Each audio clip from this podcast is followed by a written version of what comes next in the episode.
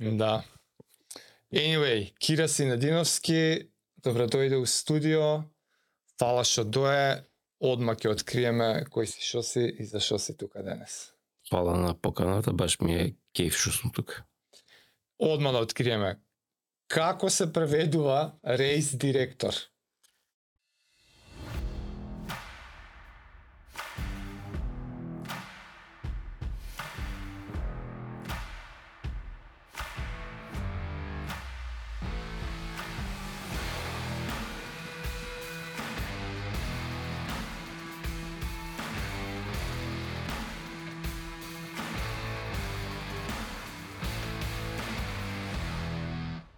Директор на трка. Е, така. На која? Кире Синединовски е директор на трката Скопски маратон Визер, нешто што Визер Скопски маратон, ќе те поправам. Значи, об- обично го, го мешаат името или. Визер маратон го викаат. Нас не е првично името Скопски маратон, ама со години веќе наназад става како спонзор, да. да.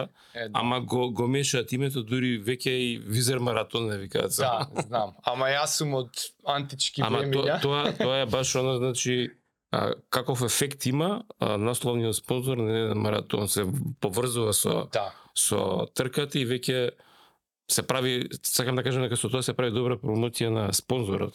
Дека името веќе Така секој Е, пат дел имаш од- право да го да, кажеш. да, да. Тој има и на нив. Да, да, да, што е, да, што е мотивација, ефектот и постигна, значи. Секој случај, ете уште една причина зашто ние често си тука. Скопски Визер Скопски маратон е станато спортски празник веќе на нашиот град. Бренд за Ние што сме учесници, јас подамна, Жаре Поодамна, па по поодскоро. Да. Но јас од одма сакам да те навратам у времињата пред да се почне оваа традиција, затоа што јас од тогаш го знам, ама има една дупка на знаење што ја неам, па ќе ми помогнеш да ја попуниме. Скопски маратон некаде во 90-тите се одржа еднаш два пати. Два пати. Па имаше дупка од неколку години, па се врати и од тогаш не прекина. Е, подсети ме, која, каква верзија на Скопски маратон на тој првиот, па како почнува после оваа верзија од... Па првиот е 97 година, тогаш се организира тој маратон по иницијатива на Душко Поповски, поранешен тренер во и атлетичар, мислам, сега почина човекот и но трен, во тоа време тренер на по атлетика и по негова иницијатива знам дека тогаш почнува 97 година, а, потоа следната година се, се приклучува и Михаил Пановски, заедно го организираат. И тие две години а, дури едната година мислам дека имаше некоја утка со патеката, со километражата, па беа постигнати некои А, мислиш, Времења- измериле баш? не беше баш добро измерена патеката, па после имаше знам имало имало реакција околу времињата, па утврдија дека била пократка патеката, ти беа постигнати доста добри времења Си за тоа време. Нови светски рекорди. да. И тогаш, значи, 97-98 година јас учествував како волонтер во, во тие две изданија, преку мојот клуб, ат- атлетски клуб работнички, тогаш, нели, атлетичарите беа обично ангажирани за да помагаат Да, на, на да. водените станици. Ти беше на станица волонтер или нешто во На станица бев јас, некаде беше тоа а, кај цементара, тука се поменуваше Усија, тој дел затоа што живее во кисела вода тогаш и обично нели се распоредуваат да. волонтерите каде што име местото Да, на да живење се да не ме пратат некаде у Ѓорче за да стигнам да видам волонтер.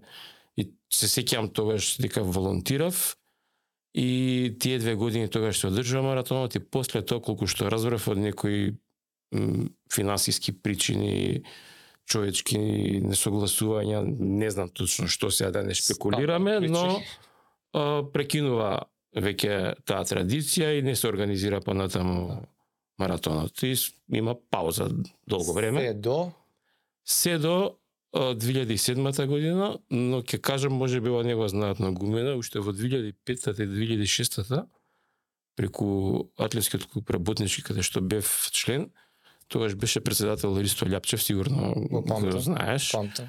И он е голем љубител на, на трчањето, посебно на маратоните.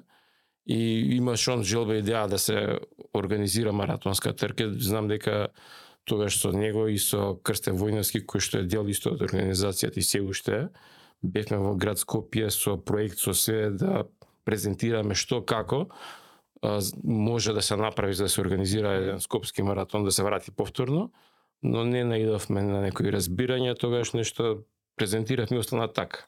Имавте идеја како АКА работнички да биде Да, да, да. главниот организатор? Да, да, како ако работнички остана така и се забори работата.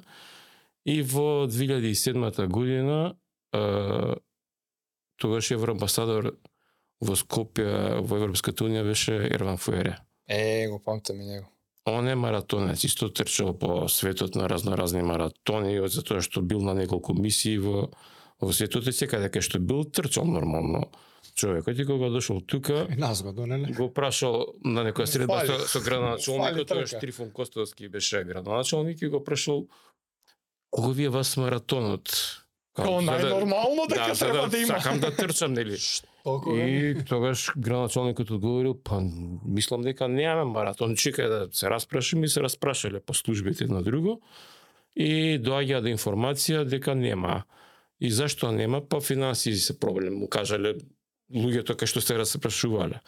И тогаш Ерон Фуере рекол, окей, јас ќе, како Европска унија, ќе помогнеме, вие како град ќе помогнете и да, да почнеме да, да се прави нешто. И тогаш се браќаат во Сојуз на на Скопје, кој што и ден денеска е организатор на, на маратонот, за да се, затоа што Сојуз на на Скопје имаше разни програми кои што беа финансирани од градот Скопје, бе- беше поврзан со, со градот Скопје за, за спортот одговорен во градот.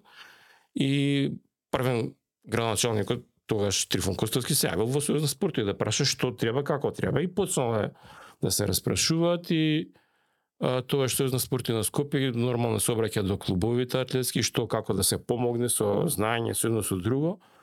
И мене ме викаат и уште неколку луѓе да се вклучиме во организацијата и тогаш а, јас нешто помагав околу регистрацијата, околу мерењето, околу некој околу патеката, знам дека ја креиравме со со Крсте Војнески баш тогаш и тогаш патеката меревме, што мислиш како?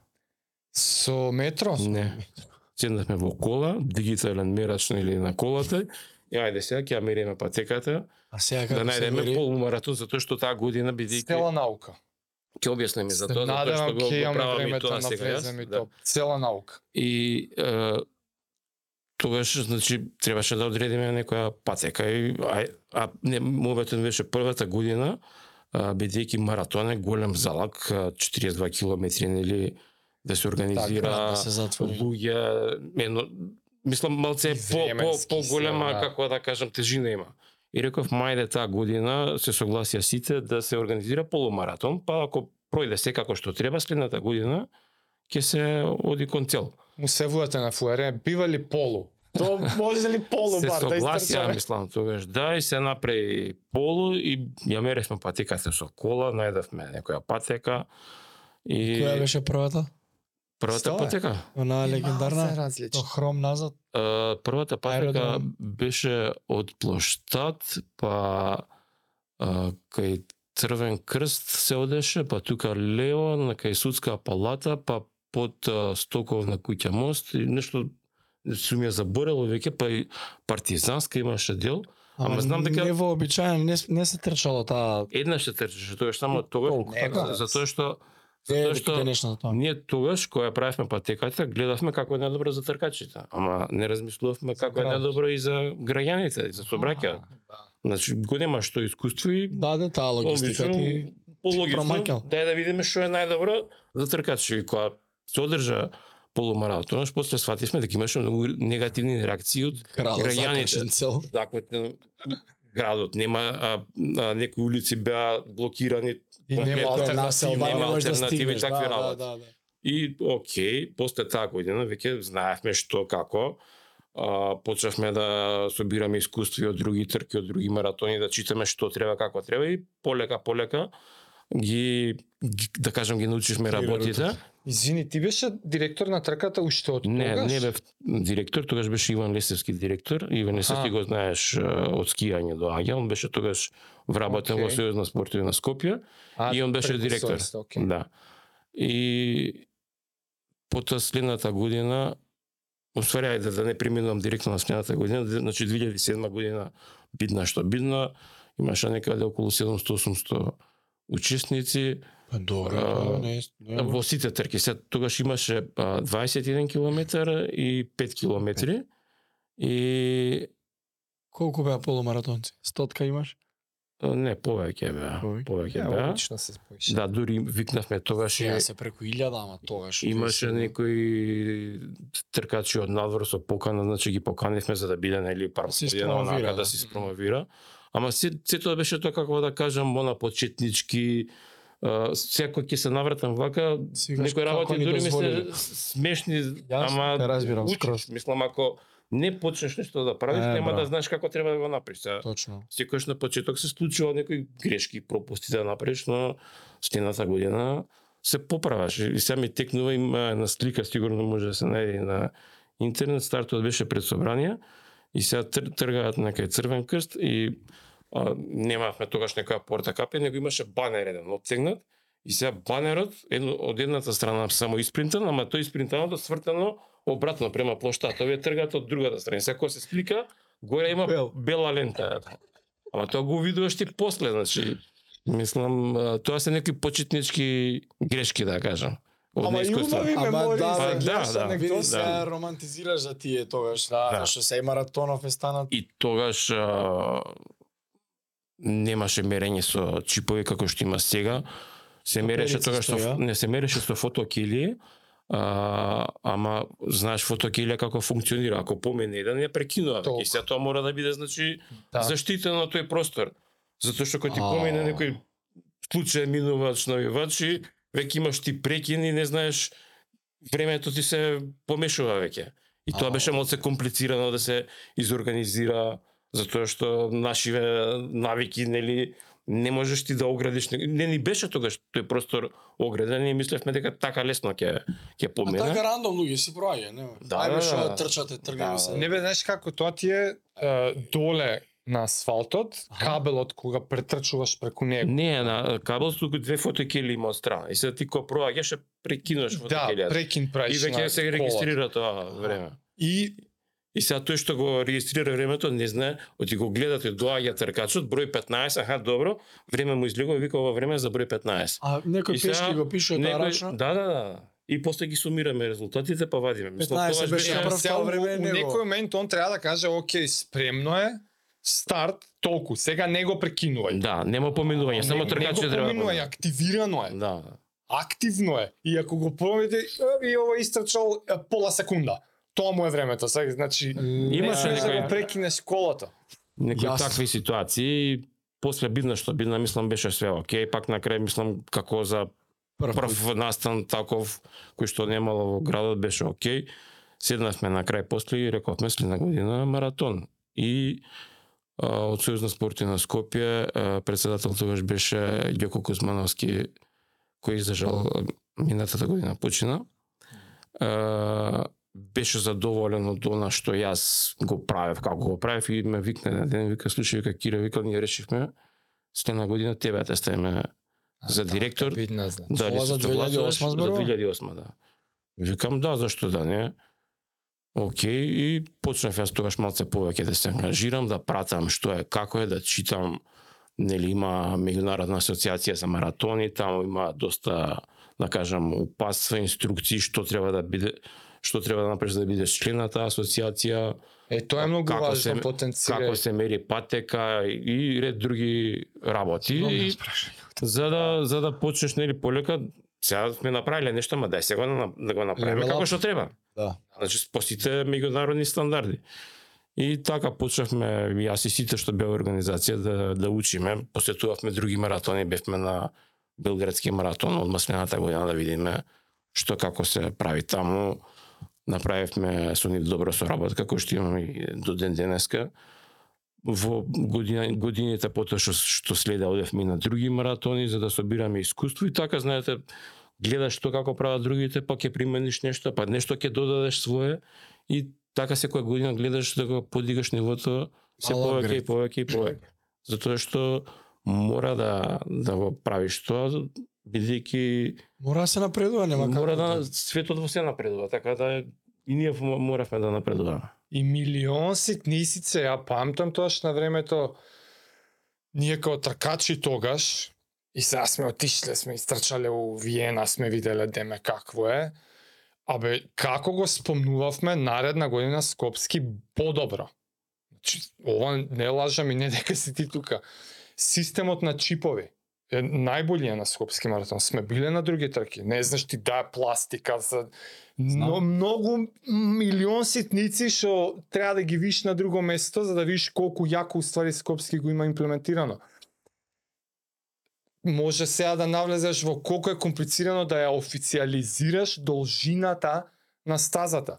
Ти на улици да измериш до колку точност До метро? до метро, за ти ако направиш рекорд тоа да се брои интернационално да, да, да, важи. Официјален интернационален. И Па ќе го, знам, ќе го спомнеме и тоа, мислам, во, во текот на разговорот, како се мери еден маратон. Е. е па ајде, Ајде, ајде следното. да. Ајде, бе, значи, Илјај Дали, чекај, дали уште од 2008 се исполни тоа или малку после мислам дека 2009-та беше, од 2008-та уште бевме во почет почеток на маратон, нели 2007 бевме полумаратон. осма е прва се крши за 2000 цел. да, Цел. И 2009 веќе викаме ќе го правиме, со аплициравме во асоциацијата а, за да добиеме членство, таму се првата година си као некој асоцијативен член, плаќаш некоја символична сума, за да после следната година мораш да бидеш фул член и плаќаш поголема сума и мора да имаш сертификат за на, на патеката. Ова е интернационално тело некое Да, за тоа се вика е, е, меѓународна асоциација за улични трки и маратони. така. Тоа е посебно тело, но е признато од Светската атлетска федерација. да. И а, не знам сега во која година нема држа на памет, тоа сигурно пише на интернет, има воведено систем како се мери една улична трка, еден маратон. Мислам дека типот е американец, измислува некој бројач и бројачот се вика според него Джонс Каунтер. И тој е бројач се става на велосипедот и има сега цела методологија како се мери маратонот. Значи ќе го објаснам и тој ќе кажам дека ние во 2009-та бидејќи там не може било кој тоа, сега ќе го стави тој каунтерот и ќе, ќе вози со точкот и ќе мери патеката. Не. Значи АМС има листа на овластени мерачи кои што може да ги измерат а, маратоните и потоа они подготвуваат извештај и тој извештај го праќаат во Светската атлетска федерација и Светската атлетска федерација вика да, водите, може да се даде сертификат и дава сертификат на патеката дека е лиценцирана и призната од е, и од светска атлетика, дека сите времиња ќе бидат признати дали е да. државен рекорд, да дали е европски да. рекорд, дали е светски рекорд и обично нели тркачите а, во колку одамна мислам дека сакаат да трчат на сертифицирани Оф, патеки. да. За да Затоа нема што- после еј тебе ти се погоди е 200 неки, метра. Да Многу кај е се трчал важно. таму, како не е- патеката сертифицирана, не, а па времето не, Не ти е важно, Да, да. да, да. И како се мери? Значи, тој Джонс Каунтер се става на предното на предното на предниот точак на, на, на тркало на Тркало. точакот. А, се калибрира одредена патека, да речеме има а, една табела а, во која што од зависност од а, должината на патеката а, се додава или се одзема сантиметри во зависност а, колку билат надворешната температура. Мгм. Значи, еве сега ќе објаснам. Одбираме нека патека од 400 метри, треба да биде право. И првен се мери со челично метро од точка А до точка Б, дека е 400 метри, потоа пак се мери назад дека е 400 метри, да се Потврда? потврди дека е точна патеката и се одбележува значи тие две точки. Ако е температурата под 20 степени, има табела се додава плюс Некој сантиметар, фактор. затоа што нели челичното метро се собира на ладно, а се шири на топло. И има цела табела колку треба да се додаде или да се одземе на таа калибрација.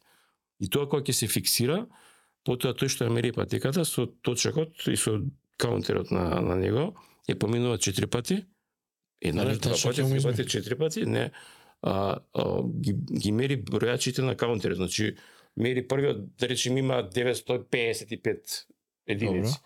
Назад има 956, пак има 955, па има 958. Затоа што дали се движал малце полево, подесно или Јасно. може да има отстапување за неколку каунтери. Ама затоа се земат сите тие четири мерења, средната Просек. вредност и тоа е а, константа на мерењето. Тоа е на уредчето. Да, Уредчето за во уредчето. референција со Јасно, јасно. И метро. почнува сега мерат шоп, му викаш ти како организатор, стартот ќе ми биде тука, целта ќе ми биде тука.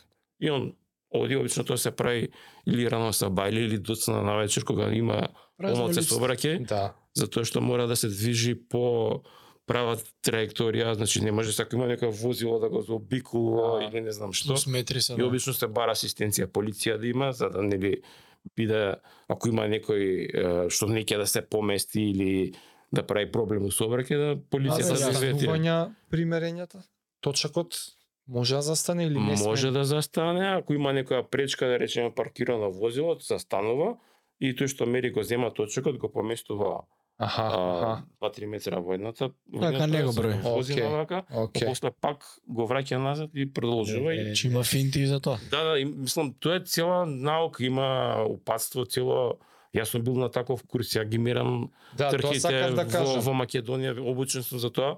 Немам а, меѓународна лиценца од што се вика од немука, ето ти требаше да поднесам неколку извештаи, не стигнав и не ја добив таа меѓународна лиценца за да можам било кој маратон во во светот да го мерам, но националните тука во Македонија имам дозвола да ги мерам Да. затоа што сум бил на таква обука и сум ја поминал таа цела обука. И кога ќе се извози цела патека, значи има одредена а, од, одредени бројки нели на на каунтерот, се одзема од последната точка до првата, тоа се дели со константата и се добива метри. И сега ти гледаш, ти фалат или имаш повеќе. Така. И потоа правиш корекцијата. Вајда никад правиш корекцијата, ама има уште една работа, значи од кога ќе измериш, кога ќе направиш калкулацијата, пред да направиш корекцијата, се враќаш повторно на патеката за калибрација, А, затоа што нели ти а, 42 километри е патеката, така? Можеш да возиш 3 сати 42 И- километри. Си почнал со една температура, си завршил со друга. 0,0, нешто може да е Умите нели биле потврди па стануваат Да, помек. да, да. И затоа има калибрација пред и после и се зема средната вредност и таа е филмна вредност константа на делото кој што се Јас. пресметува должината и потоа се утврдува дали фали или не фали. Ако фали, се оди на на некоја точка кај што може да се додаде или да се одземе. И од поново целиот И процес. потоа тој што ја мери, прави цел извештај, значи баш онака у детали, у цифри, у све го поднесува. Се пушта некој да истрча Не, тестер? не, нема Што кросфит кога правиш вежби, имаш демо тим, ти ги проверат тайм кеп и ова на аматор, маратон не, се Не, ова е тоа методот е тој, тој го прави тој метод Да. и нема што проверка. Дали некојаш имаме надежи у градов? Една да е рутата за целиот маратон. Е, јас би сакал. Ама кажи ми каде да направиме? Не знам, за тоа вас бе прашувам. Каде да направиме, а да функционира градот без проблем. Е, истото го реков дека е причината. И сакав да ми е првиот маратон на Скопски, зашто по мене мислам дека ментално е најтежок. Да, затоа што се што два кога круга. ги гледаш полумаратонците како си одат која кола пијат изотоници таму. и Ти кажеш те и треба да продолжи сега, не сум го искусил тоа, не знам. Али јас кога завршував полумаратони си лани си викам леле уште еднаш да требаше ќе се утапам.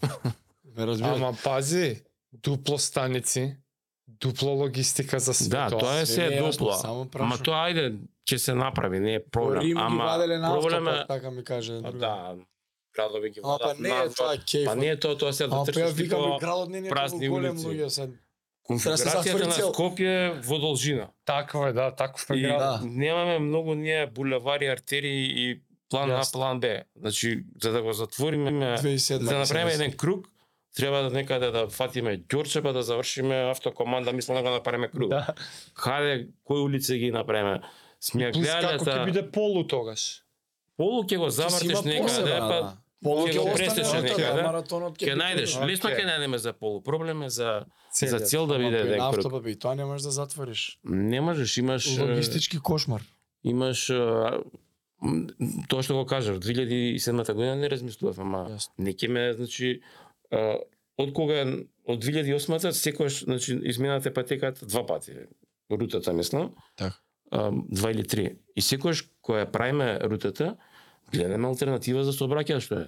Значи, Јасно, јасно, јасно. Не ја да да ствараме негативна енергија помеѓу граѓаните на Скопје. Да, секогаш бараме решение се а, сме Win-win. затвориле оваа улица. Океј, тој што кола кој ќе дојде тука што ќе прави? Кај ќе? Кисела вода како Значи, ќе бараме решение или да оди лево или десно. И што сме го разговарали секој што со на полиција. Направите патеката, пубово нека кружи цело време, отколку да стои во место.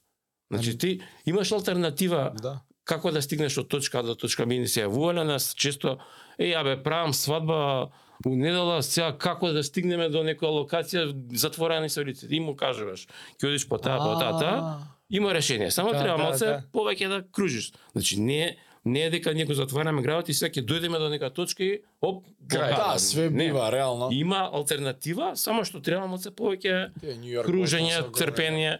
Мислам да не збориме се Њујорк и други градови. Огромни се тие огромни. огромни таму што сакаат може. го затвараат сообраќајот и предпоставам никој не се буни како тука што се бунат луѓето. Ама добро, ние имаме и друга кажем, не култура. можеме ли празник да го направиме Скоп Визер Скопски Види, маратон? па 5 сата ние се го правиме да биде празник и од година во година во година се менува Трчачите, да. Мислам, Не, па, па и за, за другиве се други. малце, како да кажам, свеста кај луѓето. Не сме сега ние многу луѓе потенцираат Лјубљана или не знам други Виенева спомна, каде што има публика по по крепацека. Ние немаме публика.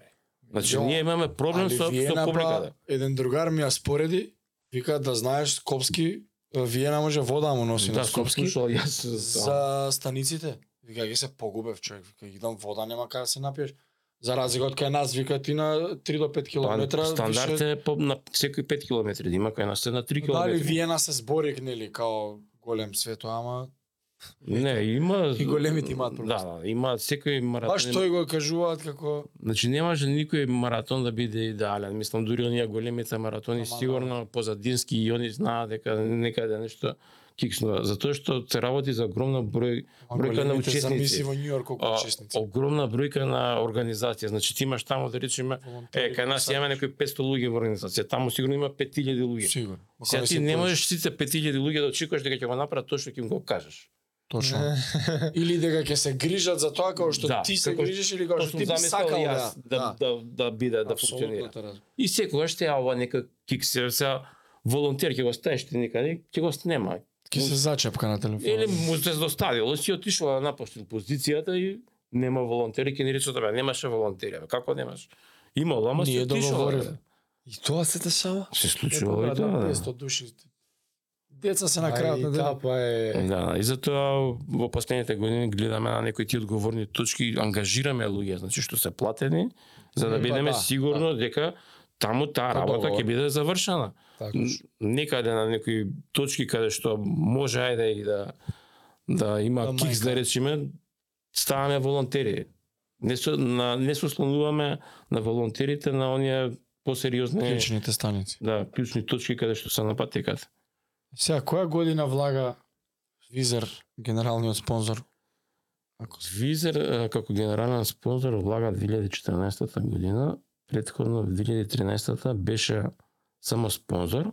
Они од старт сакаа да влезат како генерален спонзор, Значи, но доста брзо, после но 6 години. Па да, но тогаш имавме некои да речам несогласувања, не не несогласувања, а, бидејќи градот Скопје главен покровител на, на маратонот. Аха. Аха, од И тој аспект не Со согласувам. називот имаше... Да, да, нешто не се сложуваше градот како да биде назива, што како и немавме време веќе, течеше времето за да се стави насловен спонзор и тогаш Визер река, окей, ајде оваа година ќе бидеме само спонзори, па за следната година би сакале да разговараме да бидеме и Со Па и Разбира се. биле многу фербе на место, кажа, Па биле, тоа да. е со вас и, и се чудно е тоа што за Визер, ако верувате дека ни, ни пиша на мејл и ни праша ние сакаме да бидеме спонзори на маратон. Тоа ќе те Така прашам беше, следно, како се договара Ја Визер? Значи, ние не, не пристапивме, они не побараа нас. Браво. И сега Визер е компанија од Унгарија. Да. А, таа година а, нашиот маратон беше во мај, они во јануари го подпишува договорот со Будимпешта. Првиот а, маратон кај што се појавуваат спонзори е Будимпешта нормално, од каде што Да, доаѓа да, Визер како фирмата. да, како компанија. И после ние сме веќе втор маратон со името Визер. И после следните години се појавуваат и и други. повеќе, да. Јако. Киев, Софија, а, Клуж, веќе има 5-6 маратони што го носат името Визер. Визер, да. А зашто е тоа така? Значи обично кај нас еве која а, кога бараме спонзори, значи ние имаме проблем некој пат да најдеме спонзори затоа што тешко се наоѓа. Знато. А, првен а, не знаат луѓето дека маратонот има многу бенефити, дава многу бенефити, како за тркачиве, нели тоа да не зборам за тие здрави спортски навики, него за промоција на, на фирмите. Што се може да се направи на маратон, што ќе ти текне може да, Што да го направиш како како активација, како реклама, како промоција на, на, на некој спонзор. да им текне. И сега ти се обидуваш, го објаснуваш што го презентираш, ама некако тешко тешко да ти е работа. Дека Визер беше, они ни се јавуваат на мејл сакаме да бидеме спонзори. И ти се чудиш, «О, стварно или некој се Зеза. Да. И сваќаш дека е сериозна работа. Да. А и зашто било тоа така? А, извршниот директор на Визер е маратонец. Молим лепо. Ја реков Фуерего вработи. Молим лепо. И човекот знае што е маратон и сака да спонзорира маратон и почна Будимпешта, Скопје, друг, трет, четврти. И вози. Па Визер И- уствари најголем спонзор на маратони, уствари. Да, Кога влагаат они како насловен главен спонзор, што се тоа вклучува од аспект на финанси, ш- што се они покриваат, а што се вие сте обврзани да им вратите? Па се Колку прави смееш да да, откриеш? се прави договор кои се нашите обврски кои се ни се прават дека они плаќаат одредена сума, за таа сума они добиваат промоција, позиционирање на на нивно лого, активации разноразни, име во во трката. Дали со тек на годините еволуира и договорот? Па да, а, значи износот растеше со тек на години, како Така. нели што растеше и маратонот, затоа што не е исто кога имаш 3000 учесници, кога имаш 6000 учесници, Да, да. трошоците се зголемуваат.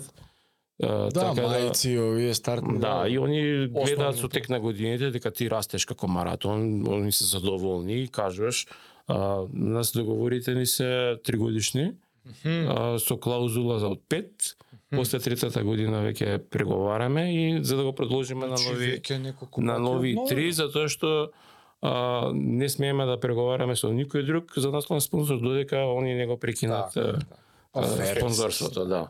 И они веќе се задоволни, само тоа се обновува, се обновува. И имало неколку обиди за да влезат и некои други спонзори прашувале кога ќе ви заврши договорот. Да, генерален. Да, да, да. Ги го прашува кога ќе ви заврши Да, ама не знам дали би биле спремни да платат како што плаќа Визер. Ама и Фере И Визер како се што- први. Како што Визер прави промоција, зашто Визер покрај тоа што дава спонзорство, знаете сигурно дека дава 20 евра за секој учесник што ќе се пријави Знам. на трката. како кредит на Веќе секој учесник. За Да. секој учесник 20 евра за да го искористи при било кој патување Така, во така, следната така. И пет километарски да и добиваат 5 поново. километарските. А се го пора- Не, и промовира. порано. И порано беа Се пред- ќе ви кажам една анекдота. Ова ја знаат некои луѓе, ама јавно мислам дека не сум ја кажал. Кога почна првата година, дава Визер 20 евра ваучер, а на нас котизација за трката на 5 километри ние 300 денари, 5 евра. Значи ти плаќаш 5 евра, а добиваш 20. 15 евра 15 фактички. кјар. Ќари, трчаш све добиваш во стартен пакет и добиваш и плюс ќар си 15 евра. И некои пољаци е, го читаат тоа на интернет и што прават? Споделуваат, не, усвари прво вака беше.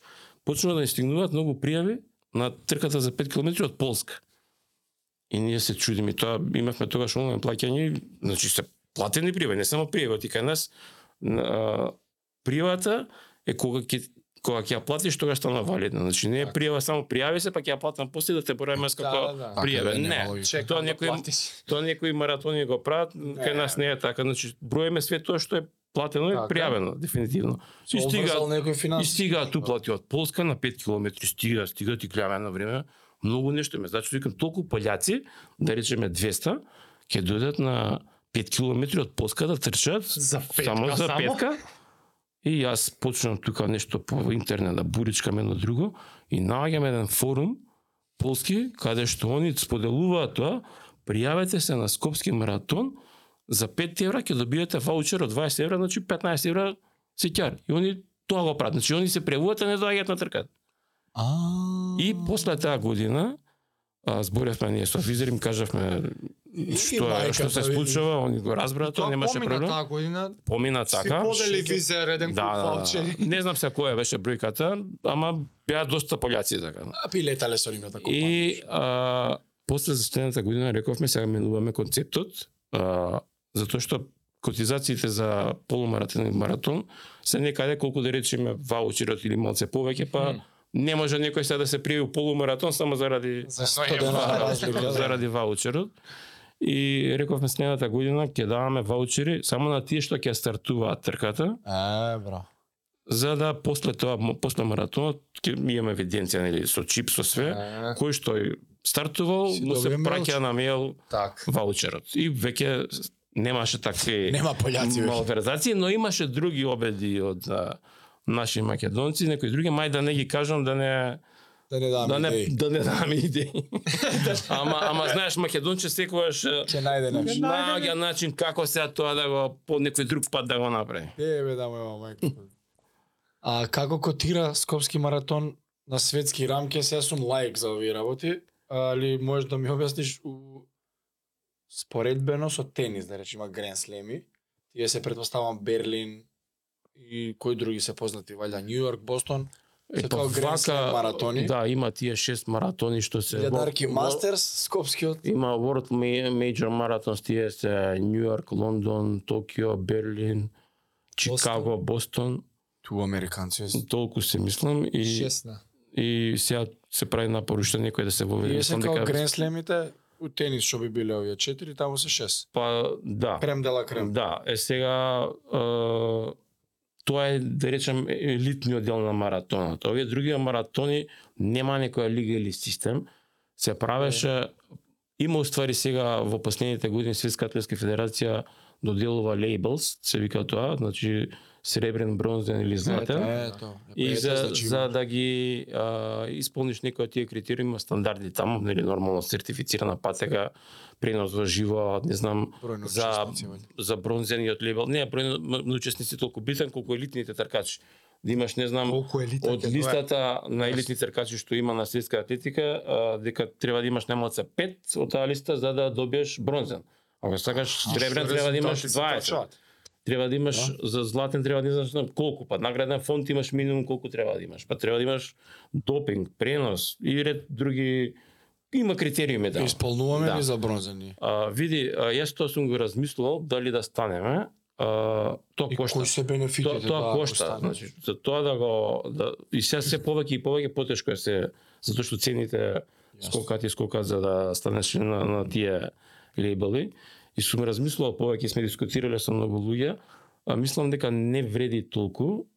Да, може би вреди, ама а, а, знаеш како моето мото е дека не е се само во елитни тркачи. Нас ни се битни Масата. ре, рекреативците, значи. Јас се И а, јас сакам да имам и рекреативен дел, ама и елитен. Ама на елитниот не да потрошам еден куп пари, Точно. за да кажам дека, не знам, дошол кој направил светски резултат. Секој директор на трка, секој директор на трка сака тоа да го има, ама сето тоа кошта. Значи ти за да донесеш да, атлетичари од Кенија и зависи кој квалитет, треба авионска карта, сместување, некој барат апиренс фи, значи за да се појават само за да дојдат трчат. Кипчоги колку треба... кошта? Не праша, Майкл Джордан. Да. Кај ти Леброн Джеймс. Така да сум размислал и мислам дека нема многу бенефит. Ако имаш победи лани извини, uh, Два колку Два, 2, два, 2, два, 2, Од Кенија, од кај беше, не знам. Тука кај нас? Да, лани, да, на да. ланскиот. Не истече 2.11. Ама кенијци доаѓа. Да, да, добар резултат, вајде да е добар два. 2. Вие прилично рано почнавте да покажете. Ја пред него завршив полу, он два пати цел, мене таргети беше не ме помина два пати. Тоа го памтиш пати. го памтам, ја го кревав на мас... столчето за масажа. Се као заврши, јас 2.05, легнав, не масираа нас Станав и дојде човеков. Заврши. Ама беше таков колабиран и женава што ма си река, луѓе дај помагајте да го легнеме. Јас се најдов тука и викам ајде, тој колку чаша вака само го фатив. Го, Еден бампер пети. да, го легнавме тука и донесете му вода, донесете му кафичот тука близко, донесо. Ми не можеше ака цевката да ја погоди која кола вода. И затоа го памтам баш него. Uh, он е еден од тие претпоставам елитни. Да, значи ние веќе Како се договара он? после да речем втората, третата година тамо од 2009 можеби почнавме да да каниме некои такви елитни тркачи, прво беа тука од Европа, од Балканот, па после викаме дај да донесеме некои од Африка, од Кенија, од Етиопија. И е, на мейл стигаат кога веќе ќе се етаблираш, ти стигаат еден куп е, мейлови од Кенија, од Етиопија, од Нигерија, сакам да трчам на вашиот маратон, ама тоа се мачка во вреќа. Значи си бара. не, не знаеш кој ќе ти дојде. Некој може сака да дојде да остане тука. А и за тоа има агенции во светот кои што си бараат, пат. да, Јасно, јасно. Ама тоа се несигурни тркачи и не ќе аз да да работиме на тој начин, затоа работиме со агенции, менаџерски Та, агенции де. кои што си имаат Двајца, они договори- договори со имаат со неколку атлетичари што ги тренираат, што ги спремат и што тие атлетичари одат по разноразни трки во Европа, во светот. Така заработуваат и агенцијата Така, и докажани. и маратонците. И таму имаш ти зависи што ти треба, кој профил на маратонец. Точно. Дали треба 2.15 или 2.10 или 2.7. Секој си има И цена. тој кошта толку, овој Да, кош- кошта да. толку. И сега а, за да имаш тие некој тие лебел треба да поканиш неколку. Тие коштаат, па екстра трошоци. Си викам зашто да ги даваме тие пари кога немаме потреба. Треба да работиме ние на подигнување на масовноста на маратон. Наша маса и Ние- држава да си ја покренеме да Ние- спортува. да. Ние ќе имаме два тројца колку еве да кажеме дека знаеш да биде атрактивна, добар резултат да се направи. Тоа што Скопската патека е многу рамна и многу луѓе, посебно овие странци што доаѓаат, ја фалат. Не им смета што се два? Не. Има низ Европа Им исто така некој сметаше времето кога беше у мај месец, се Да. сме или октомври. Се. У мај беше, значи, Мачко вреќа мај. а, луѓето што доаѓаат од Кенија не може да издржат таа топлина што се случувало на на Скопскиот маратон, затоа што Стварно. знае да биде Скопскиот асфалт пекол во Да се мај. истори претходна вечер, па сонце, па да се тој да ти испарува фаца, сабота знам. врне, у недела пекол, у понеделник пак врне. Да, да. Имало такви текнува, многу А ситуации. побода да врне и недела. Ми текнува, имаше нешто, а, не беше лесно, толку лесно да се најде соодветен термин. И долги години од тиони организација се нонстоп со Сега ќе атлетичарите. ти кажам и околу терминот. Значи терминот не беше нас порано во мај и беше Да. секогаш првата или втората недела од мај затоа што а, нели го спомнав Ерен Фуере Европска унија. Значи, они- Они влегоа тогаш и ние го организиравме по повод денот на Европа 9 мај. И сите активности они ги поврзува со маратонот околу 9 мај бевме не у таа програма и ради тоа многу тркачите викаат да бе сменете го терминот мај не се трча веќе. Тоа сакам да Оние што кажам. бркаат времиња и стварно е така. Имаше нонстоп. И ние викаме луѓе врзани сме затоа што ни е партнер, значи ти Така дава беше. пари, ти помага во организација. Сакаш да постои или не сакаш Од да почеток ти ти помогнал и сега не е фер да кажеш ти слушај да не сакаме веќе во мај, ние ќе си правиме, треба да најдеме некои други партнери и спонзори. Јасно. И сега кога се случи короната, моравме да го перфектниот изговор. смениме датумот и нели не знаевме никој што ќе се случува, како ќе се случува, викаме да го откажуваме, не го откажуваме затоа што беше веќе на два месеци пред а, денот на одржање на маратонот се, Мгм. се случуваше Да, март. короната и Да, веќе да, така пријави, е, други работи Велико. у велико трнати во организација, викаме опција откажување не е, туку опција презакажување. И викаме ајде, чекавме малце да видиме како што ќе иде ситуација, видовме дека нешто попушти, викаме ќе го закажеме за во октомври, ќе следиме мерки, нели имаше тогаш разни разни мерки и ќе го правиме тоа, значи ние не го откажавме, туку го презакажавме. Така, така. И на сите пријавени им понудивме опција, ако не може да дојдат Рифанд. во октомври, а, или рефанд, или ако сака следната година, или за следната, да. после 2-3 години, им Да, да, да, да, да. опција да бира, значи фер. има има опција. И така се короната фактички не помести во октомври. Европска унија се сменја во меѓувреме доста амбасадори.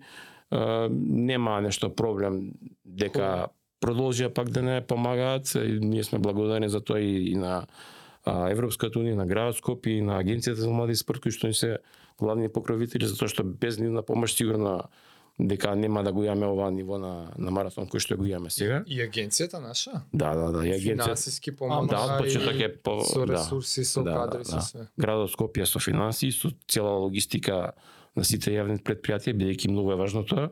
Па и полиции. Полицијата, да, секако да не ја Тоа иде забораваме. преку град Скопје. Не, тоа оди посебно полицијата, Така. ама сите комунални услуги од Е, градот така. одат затварање на плоштад, чистење на патека, обезбедување затварање на линиите, нели треба да се пренасочат на ИСАП и така. На многу работи има ги логистички.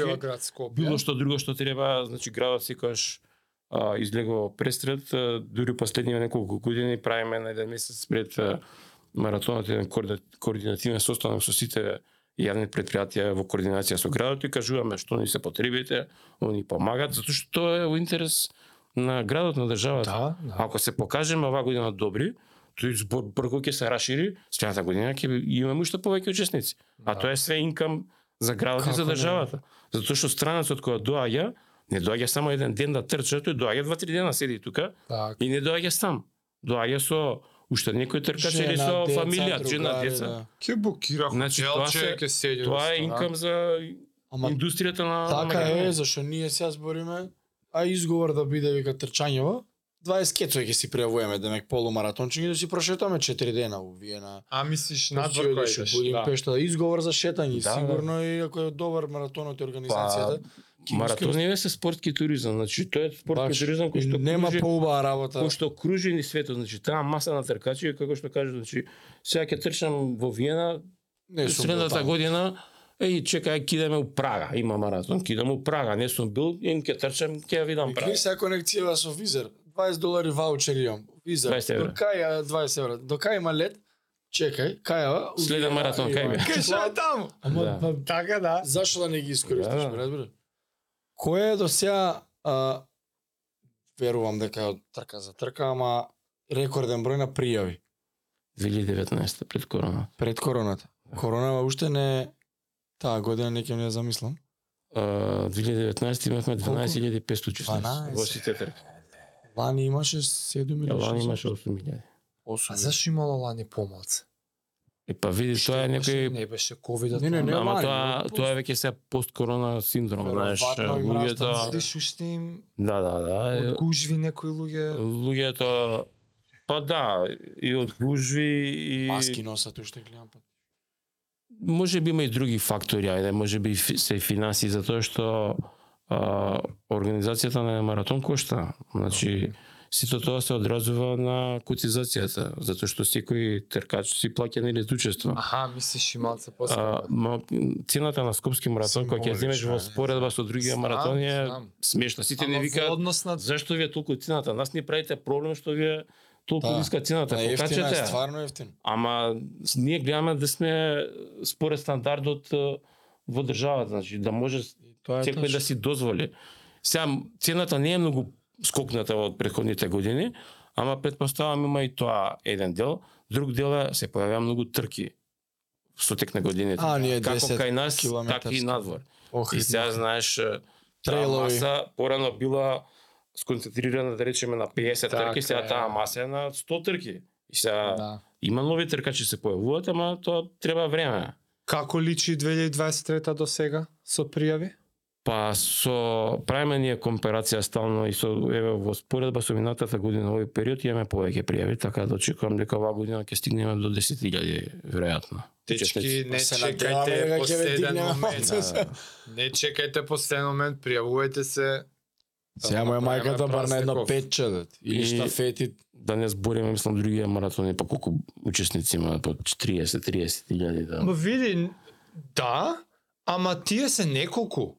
Ами Да. Градовите се Йорк, многу Бостон, повеќе. Чикаго, тие се по 40 Да, ама и- Не дека ти сек дека што идеш Ама има... тамо има друга традиција, друга Тоа е култура, така да. 10 илјади е многу Како бе не бе, ја не знаев дека 12 било рекорд. Ја И Мислев, кај, нас ми се допаѓа што со тек на овие години изминативе луѓе во еве самите гледате нели дека се повеќе луѓе земаат учество трчат. Значи да, почнуваат со модерно. 5 километри и сега Така е. 5 километри следната година некој му е малце и вика чекај Баранов предизвик 21 кидам. Или пак 21 трча неколку години, после ќе рече чекаме више 21 не ми е Да. таргет, сакам нешто повеќе и оди на маратон. И така ние таа бројка на тркачи од година во година ја шириме и расте.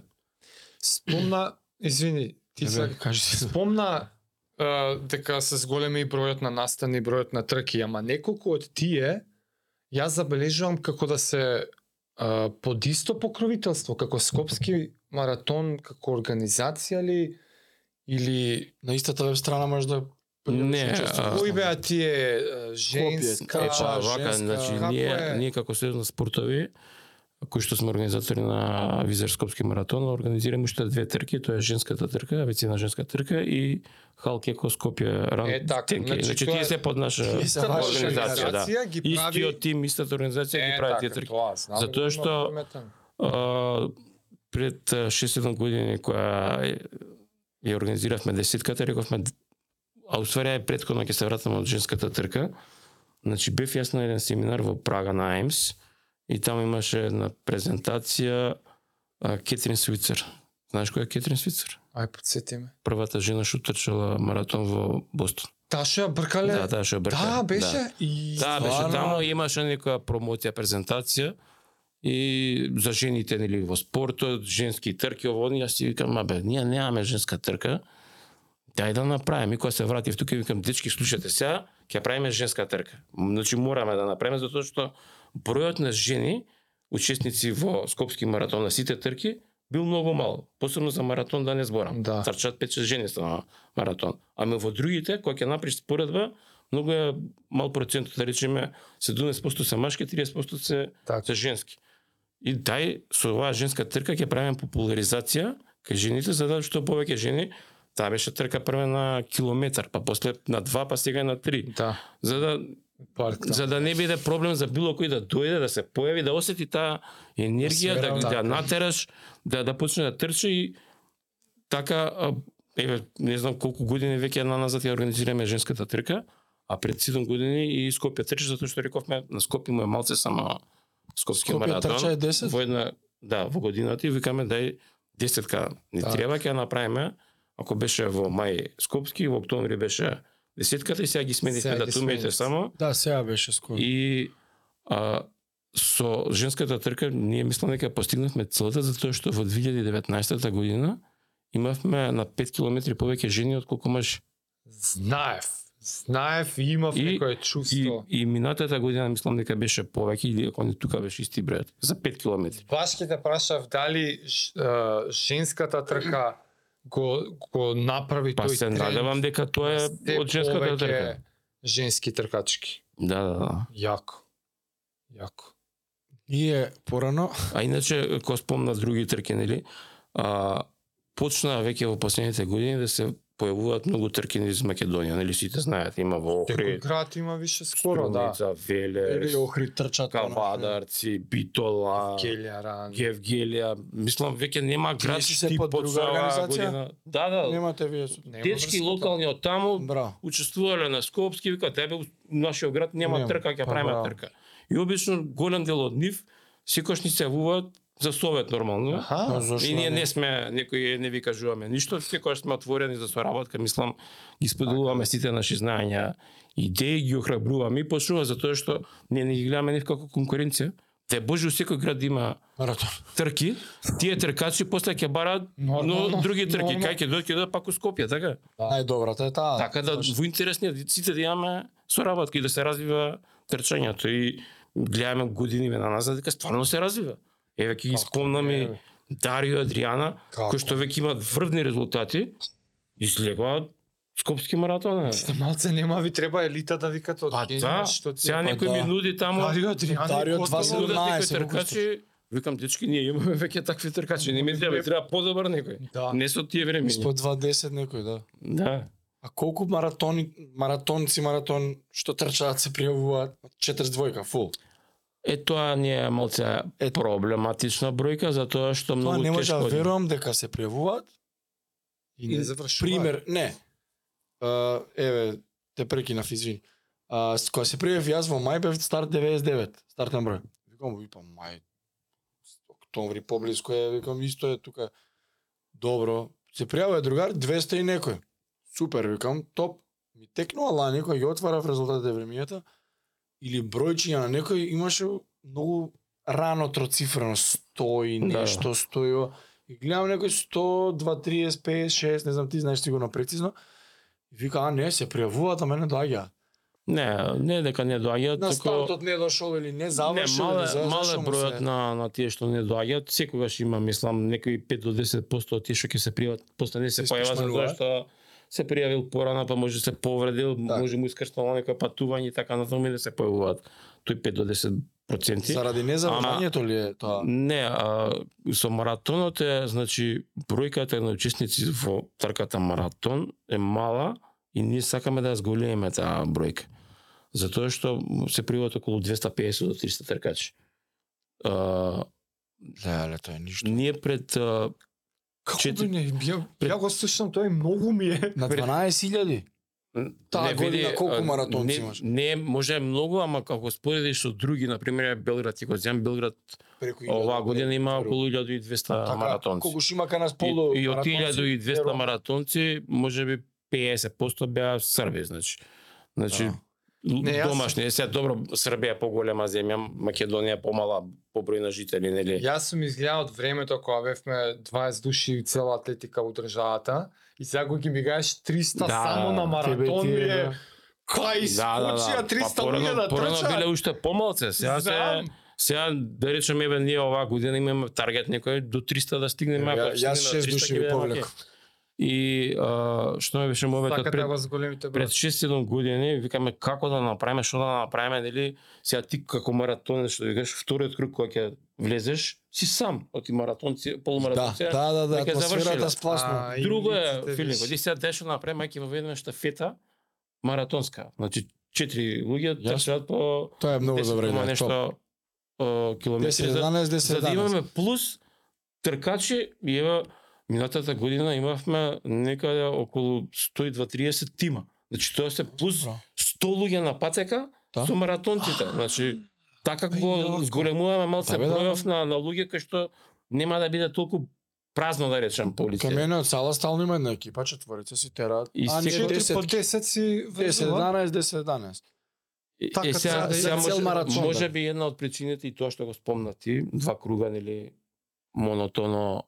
Добро, баш заради тоа сакам да дебитирам кај нашиот. ја би сакал да имаме еден круг патека, тогаш сигурно може би бројот би рипнал на на маратонци, затоа што да. делува тоа психички некој кој треба Делува, да. два пати истата патека да врти без разлика дали е 10 километри или е 42 Кога гледаш километри. како завршуваат, толку си блиску до целта, а толку си далеко, дупло треба да трчаш. И Сигурно ги затоа еве правиме штафетен маратон, правиме анимации по патека ставаме бендови, диџеи за да биде интересно.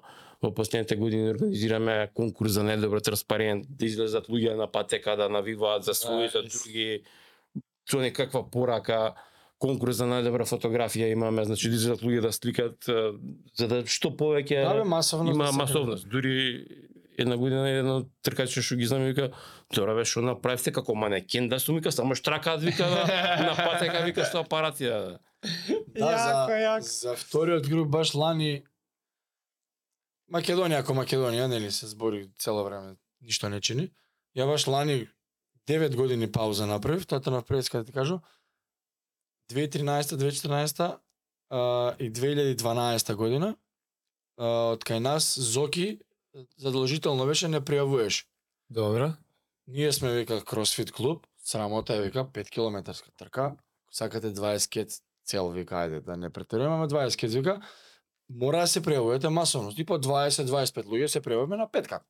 Една будала Добро. 20 кетски истрча и тоа е тоа Добро. бе, у 2012 година. И 2-3 години поред одевме така. И 2013 викам, зашто ние полу да не пробаме 20 кет, што викаш ти малци тие петката. И како индијанци 6 км припрема направивме и ајде можеме, ние спремни сме. Сега не ми беше ме проблем капацитетот зашто на 8 минути километар ми спадна темпото. Ме болеше левото колено четврт километар. куковите, ама кога не знаеш, ме разбираш. И тоа трчање 9 години не ќе да видам. До лани. Еден другар во Виена трчаше и ја исто дали си нормален тоа, колената ово она. И ми пише, еве го истрчав. И викам ајде на Скопски заедно ќе одиме. Вика нели не ќе трчање, викам еве ќе трчам со тебе, ми направи кејф, ме мотивираше, викам ти еве ајде ќе одиме. И вика ајде 42 ќе пунам за 3 години, 42 километри за 42 Трчам. години ќе истрчам. Ајде викам имаме 3 години да се спремиме. Истрчавме 20 кец лани, се спремивме нешто подобро. Срамота да кажеме кај припремам, ајде нешто подобро. И за два- 2.27 ми беше првиот катастрофа невидена. Не поодев, ајде тоа Полумаратон, некоја гордост. Види па добро до, добро е тоа време за почетник.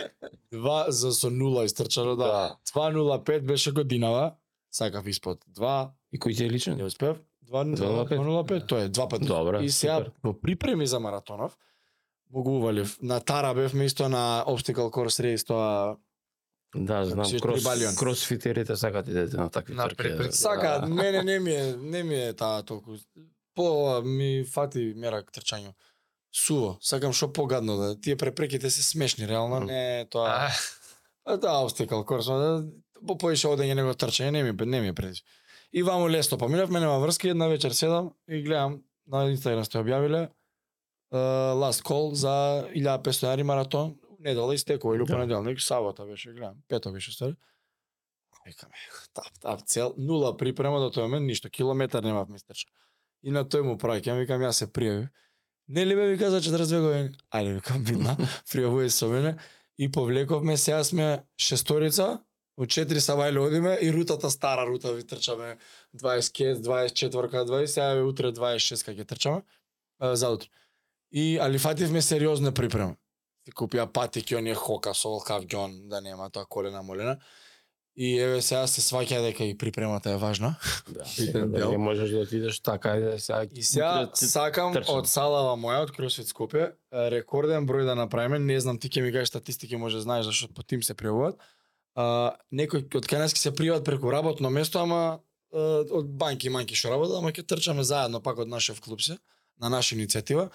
Преку 20 полумаратона ќе има. И за маратон цел сме ш... Шест. 6 или 7, не сум сигурен. Браво. Уште еден убедуваме за 8 да дојде. У среда ќе му му опереме мозокот на 26 Значи, Сега ми даваш ти мене друга идеја. Ајде. Па во склоп на трката на 5 километри на полумаратон имаме тимско надпреварување, Добро. а во маратонот нема, да воведеме во маратонот. Може ќе привлечеме така. Па сигурно. Па еве тројца минимум маратонци формираат тим и ги на- го наградуваме тимот. Посебно. Вкупно време. Да, да, да. Победува. Да, така е на на 5 и на Да, 21. Нема тимско освен е. штафетново, тоа да, е друго. Да, Што маратонот значи нема. тимско? Пријавени 10 луѓе со тим CrossFit Скопје. да. да. И најдобрите тројца го формираат. Тројца е минимум. Да. Од тие Јасно. 10, така е трите за, најдобри за време. 21 и за 5. На Добро. 5 е, четворица формираат тим, од исти пол, машки или женски. Јасно. Штафетите се мешани таму, а 20 кет се тројца минимум формираат тим. И системот автоматски ги Да, исфрла. да ги вади. Можеш ти 20 луѓе под исти тим, ама најдобрите три ги исфрла и го збира збирното време од тие тројци тоа е фактички А, добро, Дари овие ќе не потепаците, ќе се Ама нема да се во тимови. Тоа ќе прашат, Атлетски имате клуб не се имате. Добро, увид они- у статистика валјда дали имате као под исти тим пријавени на маратон веќе или тоа не можеш да Не видиш? може да се види, ама ова што кажеш ти ќе не потепат. Оке, не можеме да направиме тимско за Рекреативци. за рекреативци, Е, па- тимско за атлетски Затоа клубови. што атлетските клубови ќе трчаат Да, по дефолт. да, да. Дарио ќе трча сакал некал. Да, да, да, да. Тоа му е професијата, тоа тоа му е спортот на човек. Ама ние кај ќе ти кој ќе ти на Да, ама така, еве, може би, како што сте вие, некој тим екипа би мотивирала некои други Е, тебе, па, да. тројца ќе се собереме да направиме тим. Подруго е филингот и атмосферата, нели Како кога си како да. тим се бодриш, Абе, едно еве, ние четири са бајле. фитнес клубови бе. Кој- кој нека фитнес- пријават, ајде да ги позивам јавно сите, нека се пријават полу, Не, види кога ќе видиш Петките се 300 луѓе, тебе ти се многу за тоа што- од перспектива на атлетичар. Памтам, да. А, ама тоа успоредба со другите маратони се малце. Јасно да. Зашо ние да не го дигнеме 500 тој број? Илјада Така. нека беше што да не. Да. Ебе, веќе имаме традиција на трчање. Порано ако немало жив човек на кеот или низ градот да трча, сега е фул таму. Седум са бајле е фул. Не, не седум, шест. И порано ја не сум гледал на улици луѓе трчат. Сега ги гледам во последно време и на улици трчаат луѓе. Да, да, трчаат. Тоа било по порано појава кога ќе отидеш на Како запад некаде на запад, и да. трчаат нели По по паркови, по улици, по да. тротоарчиња. Кај нас ти свиреле Да, будало, а што- сега ги гледаш кај нас се повеќе ги има секаде трчаат. Да. Е, па ние у четири са бајле по улици. Чора кола, нема некоја пијаница ќе ни Значи вие засвири. тестирате рутата. Да. Што ако ја смениме? Сменете прво. Гајде му. Ние гајле ба ја километража да ја правиме, ние стало на кеј завршуваме кај ова да дојде. Тргаме ние од пред Палма, не е ни таа рутата, од Палма аеродром. Зашто кај Кипер ова Вујчко аеродром се Да. чекаме, на улици излегуваме.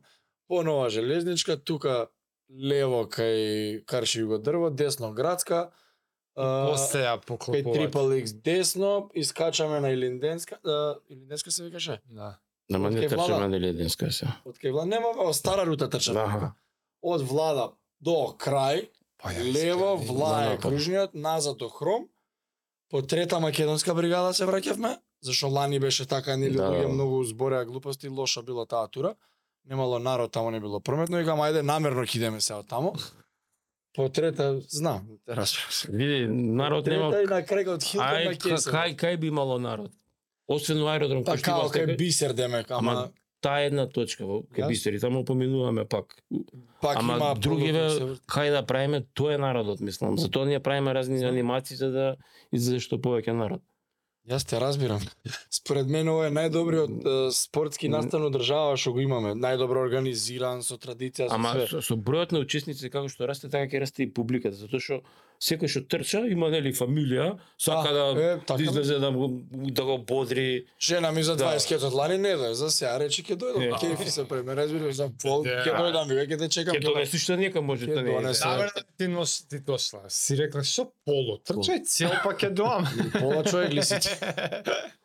Па реално е така, да, ама еве, правиме напори. Од кај нас сега може не се сите по идис назива што се кој од Best Way, од кај Нено, он ќе трча полу. Дечко што е тренер ќе мене што работи полу. Uh, Марчу Шенка него полу. Уште двајца има што вежбаат ке нас у сала што ќе пријавија полумаратон.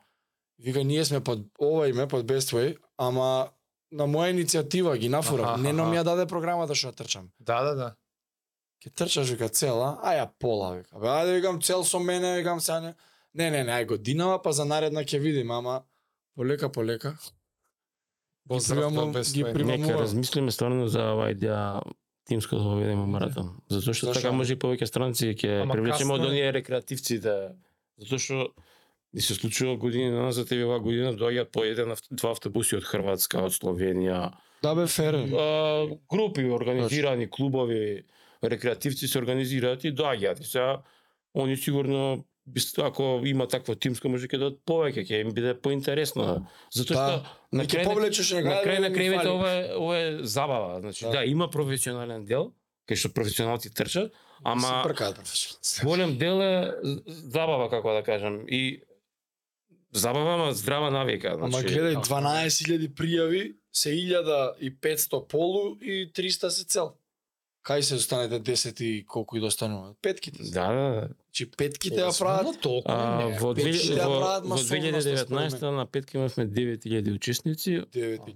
остатокот беше во другите трки. А, и штафета, заборавам, да, извини. Маратон и полумаратон. Ама Али 9000 петките се беа грото? петката, да. Од 12.000 9. Петката е премасовност. Тоа треба Петка малце да да прави. се... По фирмите ствари Да, тоа да, се да. пријавуваат за за Да, има петки доста фирми што се преуваат и ради тој тим билдинг, Да, бе, да, знам, на пример, затоа што едноставно се дружат, значи си видел се после закажуваат кафич таму. Да, се после седат, трката пива, сите мива. седнуваат, кои со медали, кои без медали, нели, да оти Скаро. на петката нема медали, ама Спортски празник е убаво. да. емоции, впечатоци, случки од трката.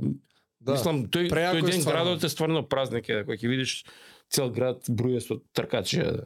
Да бе, ние лани си седнавме туку кафичот, па пива, па па убиен.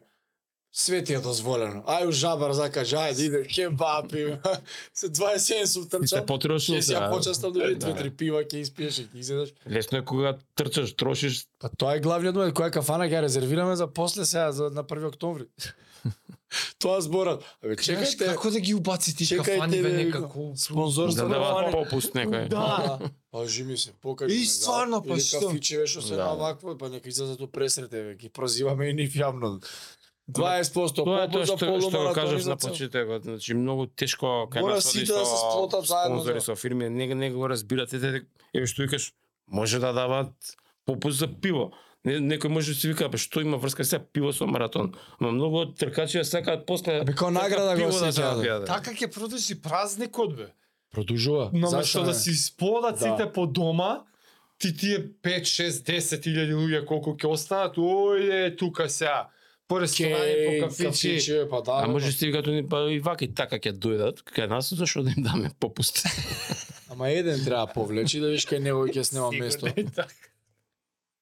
Сигурно и тоа се дешава. Глупости. Чекај да видам уште нешто дали сакам да те прашам. Ајде прашај. Ти прочитай си. Јас знам и спомна и ти са неколку пати дека се остваруваат и соработки со други градови, други организации на другиве маратони. Во каква форма е е таа соработка, што значи, еве спомна Белград, а ја памтам едно време и со Прага се случуваа некои комуникации. да, да. Кажи малце за тоа што значат тие соработки, во кој облик се одвиваат, што... што Па првен пред се тоа нели собирање искуство од наша страна кога одиме надвор, но со тек на време нели гледаат сите тие дека ти се трудиш да направиш нешто те следат, гледаат дека Скопски маратон се етаблира, расте, оно што праша како котираме. Не немаме некоја таква ранглиста, не сме дел од тие лейбели, ама меѓу тркачите не бие добар глас. Мгм. Ова што спомна дека Виена нели трчал некој па не бил задоволен дека Скопски го. Станици лоши. Многу други луѓе кажуваат исто за многу други маратони со поголема традиција дека Што може би имаат и лейбл. да, ние сме вика подобри, затоа што Па да. види а, ај после ќе се навратам на тоа се за, за, за соработките. А, обично се споделува, значи реклама нели кога е трката па да дојдат нивни тркачи кај нас или Мгм. да идат наши тамо.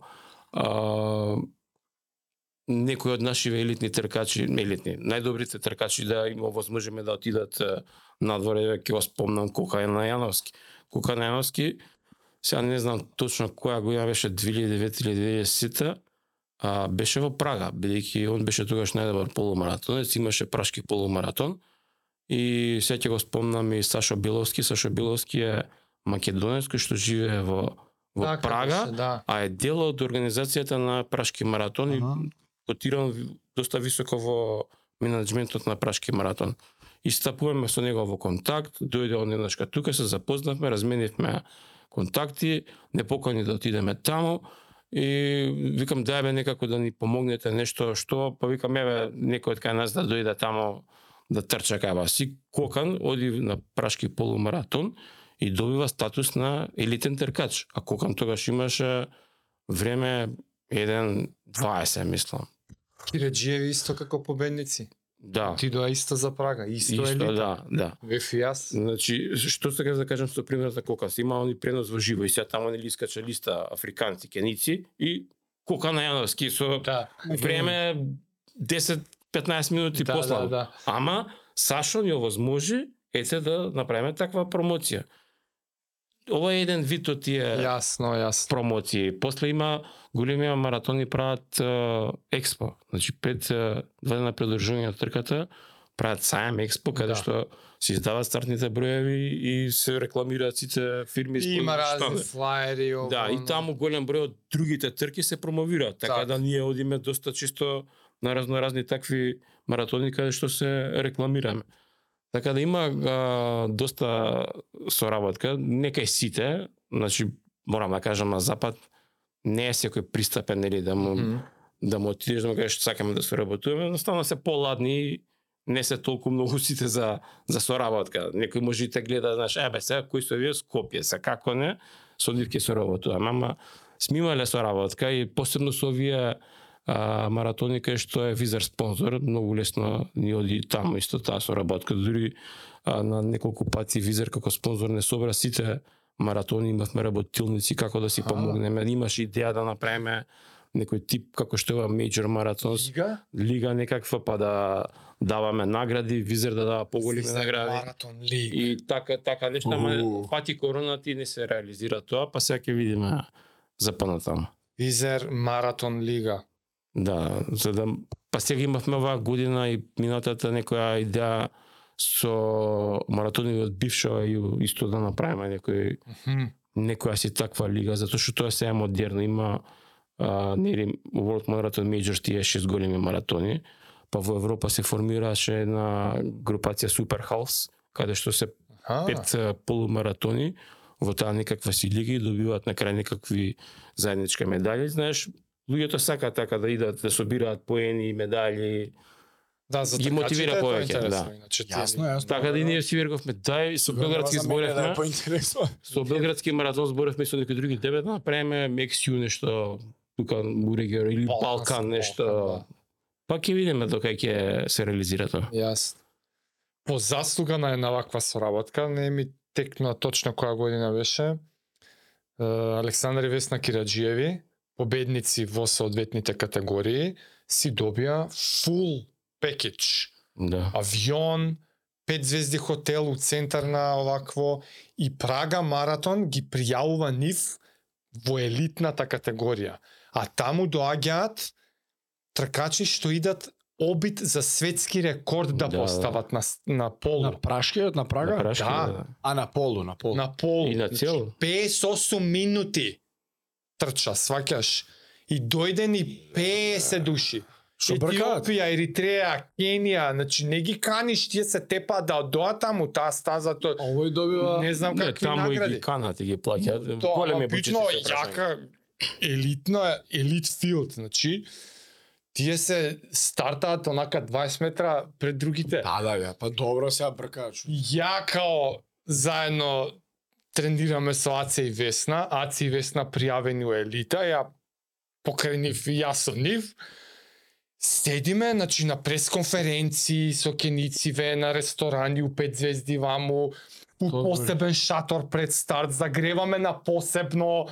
Не знаеш како филинг, човече, да се осеќаш као Звезда. елита, значи не беше Елиот Кипчоге тогаш, ама тој калибар збориме, дојде И тој најави, јас сега утре трчам за светски да поставам. На полу и на постави? полу, за неколку секунди. А што Кипчоги, што беше работата што не мога признаа у Берлин или кај беше со ласерот? Па тоа па беше што беше најкот во во Виена. Испод 2 па сата тоа беше специјална трка. Испод 2 сата кога бркаше што не мога признаа. Тоа беше special project. Да, да. Добро. И зашто не мога да признава? Прво не ни истрча испод два. Нели 1.59 нешто истрчи. Два настани се случија. Добро. Спешал project за испод два беа на една стаза у кругови, само они елитата. На, на Монца нешто, кај кај беше, да, нешто. Некоја формула да, на стаза. Нешто, да. Аха. И тоа не беше во склоп на маратонска трка. Да. Тоа да. беше се собра 10 најаки тркачи. Не го признава за тоа што трчаш сам, треба за да биде рекорд треба да трчаш на трка официјална Тоа трка. и тоа е не ни истрча испод два. А, не Наредна година Виена вика, окей, сега ќе трчаме на тачно измерена стаза. Пак е само специјален обид да истрча испод два. со А не Не беше беше брои затоа што маратон, не е во склоп на И маратонска таму трка. имаше друг момент, Со пейсери. ласерот. Трчаш со пейсери, ама пейсерите се менува на Да. секој 10 Значи, км. не- Да, да, И, кој ќе опрати значи, него. Пирамида пред него. Како да кажам, создадена Така. а, слика на пейсери. Значи, пейсер, да, треба да трне со тебе од почеток и до крај. А не цел на 10 Тотално км друг да неприродни на 20, услови. друг свеж да се за тоа не се води како Ја светски гледам дека рекорд, ве тоа не е тангира вас, ова. Ама мене тоа ми е така импресивно или за оние патиките. Тај ми ги мене бе, Не, човек, што тоа е сакаш ненормално импресивно. Ја плачев кога го гледав. Сати, дали е тоа реал, па кој сака нека му е пейсер на Ја километар нек се живо го гледав. Не е преимпресивно. Живо го гледав и кога финишираше, заплачав колку е ненормален Човече, реално ли? потек тоа. Ама не е официјален светски рекорд, затоа што тоа тоа е друго. 201 или 2, колку му е? Он си има 2:01, истрчено на Берлин да. 201 нешто, тоа е рекордот. Тој му Да. стои, тој е негов, така, Да, он да, е да. светскиот. Тоа си е Берлин маратон. Тачно. 30.000 души сме тука, пау, Да, пукај. победува и, И тоа е рекорд тоа. прави, му се Тоа е рекорд. Официјален маратон не може да му се менја така? Немаш, Од не, не е дозволено не по може, да, правила. Не Не може, може. да. Тоа е разлика. Не е лојална конкуренција. разлика. да. Така. Ваму нема други луѓе, он сам 10 души пред него и се они прават штафета. Да, да, да, тогаш и тоа нај најдобрите беа собрани сите Ингер Джипот Брипце, со не знам кои се У историја на атлетика Да. најдобри. трча 10 км, после друга екипа и тие се свежи го влечат, знаеш. Јасно, јасно, јасно, му го држат пес. Тоа беше друго. Ти она клипови пуштав јас, ајде на Кипчоге пейсот, вика тогаш од Берлин. Да. И што сакав 10 преска околу. Квалитетот кај котира маратонов, значи Аха. а, ние од година во година се обидуваме да воведеме некои нови иновации, технологии, следиме трендови и можам да кажам дека доста предничиме во регионот за некои работи и тука веројатно веќе луѓето гледаат дека овие стварно работат сериозно и се етаблираме добро. На пример, ние воведовме чипови пред Белградски маратон. Да. А, ние воведовме бесплатни фотографии за сите тркачи. Значи, на запад кога идеш, знаеш, ти плаќаш 20 евра за да добиеш фотографија. Како си плаќа? Така. Да, Кога се пријавуваш, ако сакаш официјална фотка плюс, Или на крај кога ќе ги споделат, Као на Скопски што Сакаш? бројот си го пишуваш, Да, блуп ме вади мене. тоа кошта. На ти е, да, Усковска ти е усклоп на цената. Ние значи ние ја преку спонзорите, не знам, ја би сум преку тоа ти следувал. спонзорите ја покриваме таа По услуга. 20 на евра плюс. Слушате ли ова? Ја не да, знам. да, да. Пред а, Браво, добро е да 5-6 кажеш. години воведовме дигитален стартен пакет. Знаеш што е тоа? Што значи тоа? Значи ти како тркач добиваш стартен пакет на секоја трка, нели? Ранче по ранчето, Па, флаери, производи, не знам што од спонзори добиваш. да. да, маицата, стартниот при го добиваш како физички. Е сега, сите спонзори инсертираат флаери, хартија. Веќе а, во светот на маратоните се гледа како големи загадувачи. Аха. Тоа што голем број на учесници има и се продуцира голем број на ѓубре. Значи од хартија, од пластични шишиња, од разноразни продукти Така, така. и сега како да се заштити човечката околина, нели? И се воведуваат разноразни практики, дури АИМС има а, еднаш годишно порано беше во Тина, сега малце се сменја работите, а, даваат награди за најдобар маратонец и маратонка и прогласуваат а, неколку маратони во неколку категории. Една од категориите е кој има а, најдобар проект за живот за зачување на животната околина и си аплицираат а, маратони во веле не знам ова, па ќе аплицира и, ги мотивираат фактички така да што повеќе од маратоните да се грижат за за околината. И ние рековме тогаш чекај а, зашто да инсертираме сега нели сите спонзори. Веќе имаше по светов а, една германска компанија а, стапивме со нив дигитален ста- стартен пакет. И тоа значи, сега ти како спонзор имаш флаер, викаме не, не ни треба флаер, ќе ни го дадеш флаерот во дигитална форма, ќе го ставиме во тој дигитален стартен пакет и ќе го добиеш ти на мејл.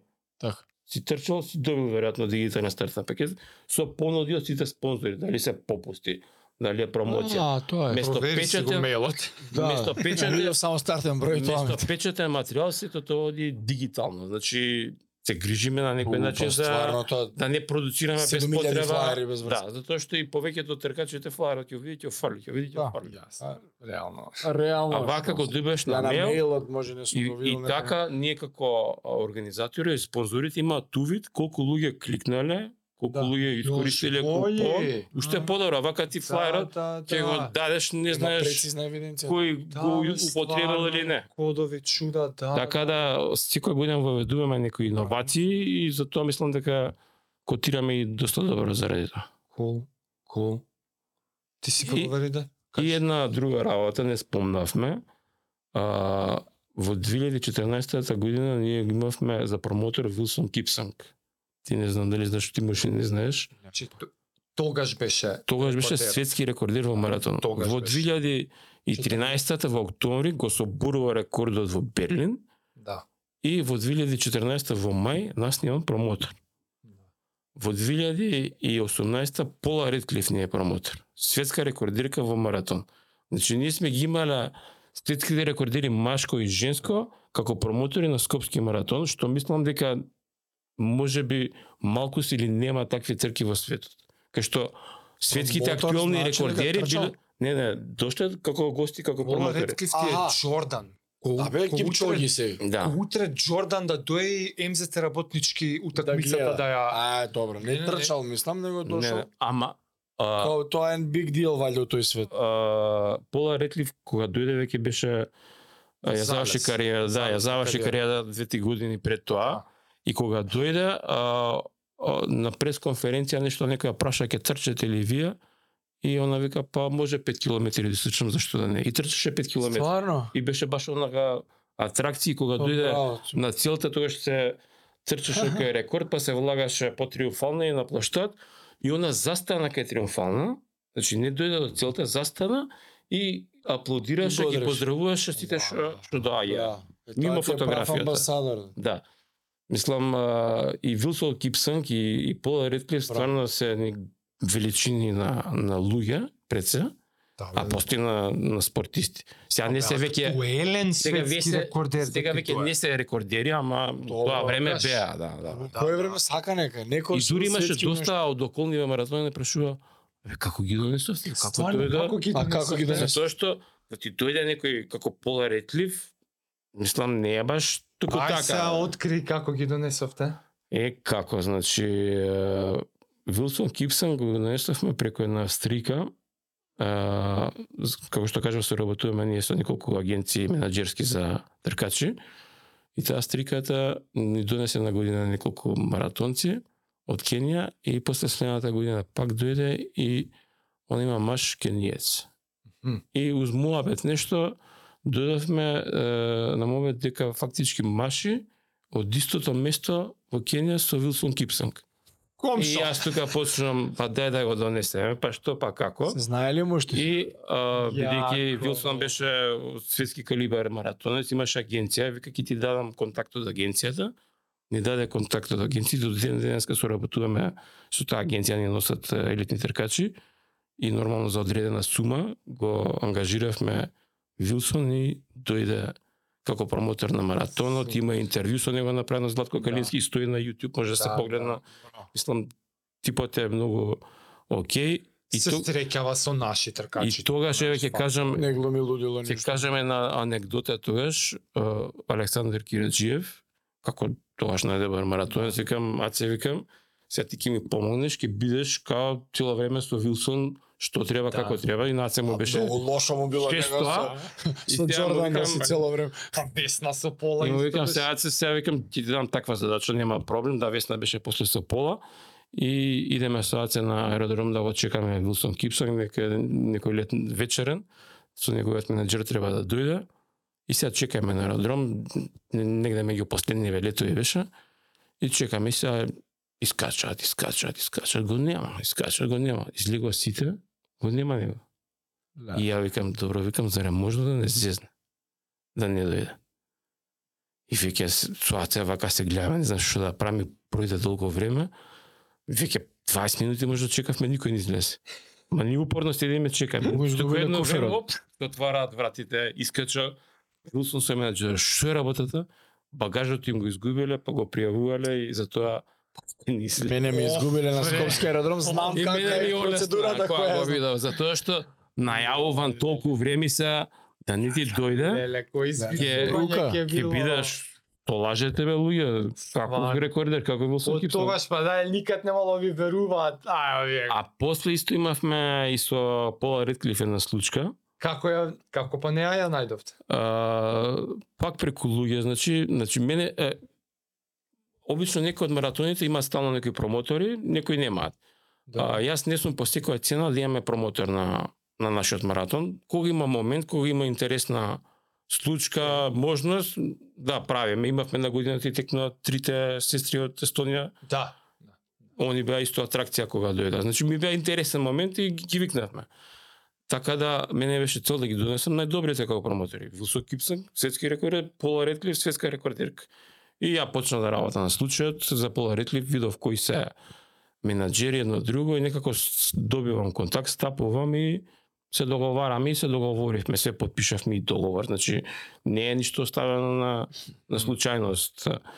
А, и се согласи се, дури мене ми изненади за тоа што беше тоа брго после завршување на незината кариера, која што е уште во Да. топ и да донесиш ти такво име, плюс во Скопје, дури од што а, не ми се веруваше дека прифати, викам Пола те молам, викам сними ми една порака да ги поздравиш гостите. И таа порака стои уште на YouTube, она кажа Hi, I'm Paula Redcliffe, uh, I will come to Skopje Marathon и така натаму. Ја, За да се уверам дека ќе дојде. Да, да. Тоа за тебе, не за... Да, да, да. Затоа што не ми беше верно дека прифати да дојде. И окей, све се договоривме. И вечерта пред да дојде ми пишува вика Кире вика има проблем. Што?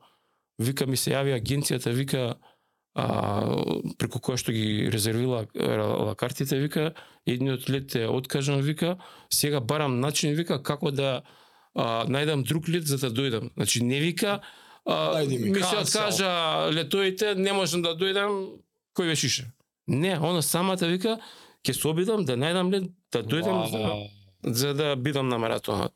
И најде некој лет, па беше после нешто, имавме веќе ние агенда со нејзе договорено на некои средби со премиери, со директори, едно друго, и беше нешто последен момент. Па организиравме на аеродром директно да извлечат прва од авион да ја земеме одма и да ја донесеме Ле. брзо во Скопје на пресконференција мислам беше дека беше договорено за да за да не касни.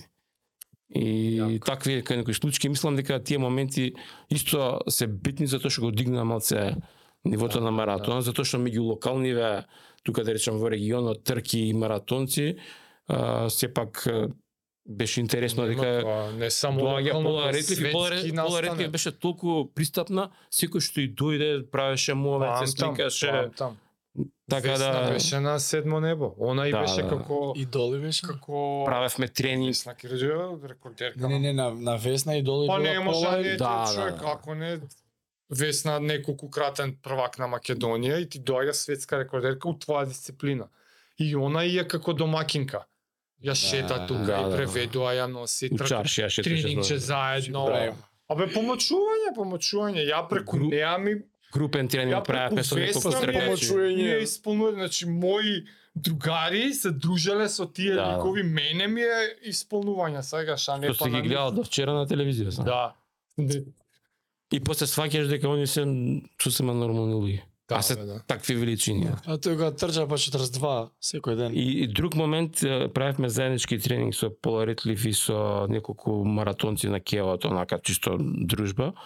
И, и Вилсон Кипсанг и Пола Ретлиф за Кевот на Варда реко имате одлична А, да. патека за трчање. Да? Значи, тоа што Да. го имаме ни у Скопје Браво. на Кевот, го немаат многу градови на светот. И една добра придобивка е тоа за, за нас. Кажи ми, Што ака гледајки неколку години унапред, некои области кај што гледате уште повеќе простор за нешто да се унапреди, дали технолошки, дали организацијски, кои се некои вака амбиции, планови за уште по да се унапреди тркава? Па амбиции се што повеќе маратонци да привлечеме. Тоа е главен фокус, значи. Да, да, Значи, да. кој ше е пиар работава? Ете ти дав идеја. Па PR и ете та- тие некои активности, затоа што и секој не се одлучува туку така да трча 42 км, тоа е сериозна нели дисциплина. Мислам не е лесно да си стрча, треба спремање, ти знаеш, еве, стануваш рано, трчаш километри, воекот. километража. Не ти текнало сега па за една недела дека ќе Не. трчаш, него треба подготовки сериозни. И ама мислам дека со тек на време таа маса од полумаратонците, дел од нив ќе се Да. прешалта на, на 42. Тоа ни е еден фокус како маратонот да го зголемиме како бројка и нормално што повеќе публика да анимираме да излезе на, на Скопски маратон по улиците, затоа што и тоа е многу важен фактор. Еве ти си трчал ни светот, знаеш колку значи кога има по цела патека. И да остане таа публика на вториот круг. Тоа, тоа. Тоа е битно многу, зашто на Да, првиот ја има. Да, за, за тоа е па подобро да биде патеката еден круг, ама тоа е па проблем кај нас. И тоа ни е еден предизвик како Ете, ако тоа еден ден со инфраструктурата во Скопје, ако се изградат повеќе мостови кои што сега и тие што ги имаме не функционираат. да. Така да ако имаш повеќе мостови, ако имаш повеќе улици, ќе најдеш алтернатива за сообраќај, па може ќе извадиме некој цел круг за 42 километри. И пред крај, на кратко само како а, расте наградниот фонд низ годините? Како се организира тоа, што подразбира процентуално, сигурно има многу работи на кои што треба да мислите, па на крај колку да изнесува наградата, те за странци, те за македонци. Колку е прво Ја лично не знам. знам дека буџетот си расте постојано од година. Не, не буџетот, него наградите колку. Тој наградниот фонд, може година, ако сме- 2000 евра за прво место, за маратон зборам. Маратон. А ако истрче испод а, машките беше 2.18, бонусче. а и како Без што како што оди пласман? надоле, резултатот добива плюс бонус од 500 евра, и максимумот е може уште 2000 евра плюс да земе, значи се вкупно 4000 евра, ако истрче испод а, 2.12. Ги извлече овој Кениец беше? Не, 2.12. жената, Нема 2.12. жената ги извлече лани. Да. Да. Машка женска иста награда. Иста награда, мислам кај нас е тоа. трчаат шо. Да, да, кај нас е тоа од почетокот е, стандард затоа што сите се рамноправни. Мислам. нема логика да е Да. различно. А, Не се не, различни не, лиги, ние сме имале коментари и реакции од некои диме кај бе види жени трчаат 10, им давате награда, а мажи трчаат 200. Па тие Нема 10 врска, сега. потепаат поише од пола мажи, што има врска. Да, ма нек се пријават, значи не Тоа е сега, ама кажи на, на почетоците како беше. И тоа мука мачење. Колку Со да- наградни па, фондови? као- Значи наградниот фонд зависи секогаш од спонзорите, од буџетот. Ако имаме буџет, ќе имаме поголем Да, награден фонд. не. Ако имаме поголем награден фонд, ќе донесеме поквалитетни тркачи. Точно. Затоа што Скопската патека е рамна и многу кажуваат е рамна. Значи ние да, Да. донесеме некој од рангот на Елиот Кипчоге ќе има фантастични резултати. Да, да. Затоа што рамна е патеката, нема многу вртење како што има во некој гради годиш цик цак, па потрчаш Па па, на котка, еден па угорници, долници. Подвожњаци Да. еден куп. Ти Знаеш колку те, те убива на двожњак? Ти уствари тоа што на нас лаици аматери ни е смрт кај хром полукруг и истото назад да го трчаш, тоа за овие лудило. Тоа е Да. Ја рамна видел, леле, патека. знаеш колку Само е право моли се да не се погоди Рамна 40 патека, широ, широки булевари, некаде Некаде има потисни улици трчаш. Знам, мислам дека Амстердам се трча по некој кеј. Абе, Едно време- Стокхолм по едни скалички у паркчиња меѓу згради и на крај си добре во влесна зграда ли ќе влеземе катастрофа, значи Да. катастрофа. Рим на и на кружни псуваш, текови ево те. ваделе. Милано по автопат, мислам дека се трча. Исто и Рим. Да. Така. Евентуално е сега Сега со ние можеме, некој ни вика да бе, што не правите побиколница, мислам сега не, Не, тоа не. побиколница не, не, да не, правиме, брат. Нека иде тој некој е да еден надвожњак да истрча Да. што ти така си го мислиш со кола една Не, не, го секунда. викнете го на мерење на стазата и да Не. Единствено, ама тоа е едноставно затоа што градот е таков, ако се погоди ветровит ден, рачунајте тепа у исти правец 20 Да, да, да. ветер у град. Се случувало тоа лани, мислам дека исто беше на трета македонска се пожелеа некој втор круг дека имале ветер у гради Да. кога се враќа. И за тој што ќе мисли дека ама добро после у грб те дува, не е така. Во грб штедиш 3 до 5%, а во гради губиш 15 до 20. Таква е природата на трчањето како дисциплина, така да не ми ги правите тие коментари. Зависи некојаш од надворешните услови, викате.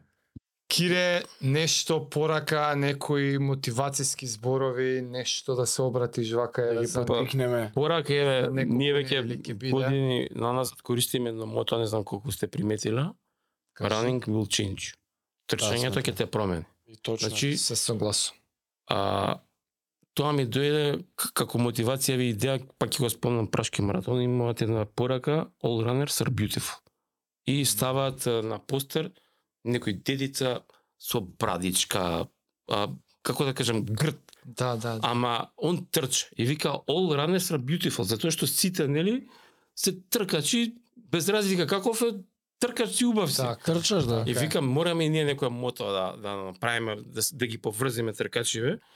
И пред неколку години листам слики од Скопски маратон и не знам дали ви текнува, имаше еден тип а, како во костим направен, а, како лептирмаш на стегнато капа, друг тип а, престилка, а, капа оваква куверска на главата и кутлаче во раката и трча маратон. А, течко на нашто, како се викаше, Кристијан Проданов, секоја година менува костим, еднаш Да. ка Супермен, еднаш ка Лани Спайдермен. беше Кептен Америка. Е, така.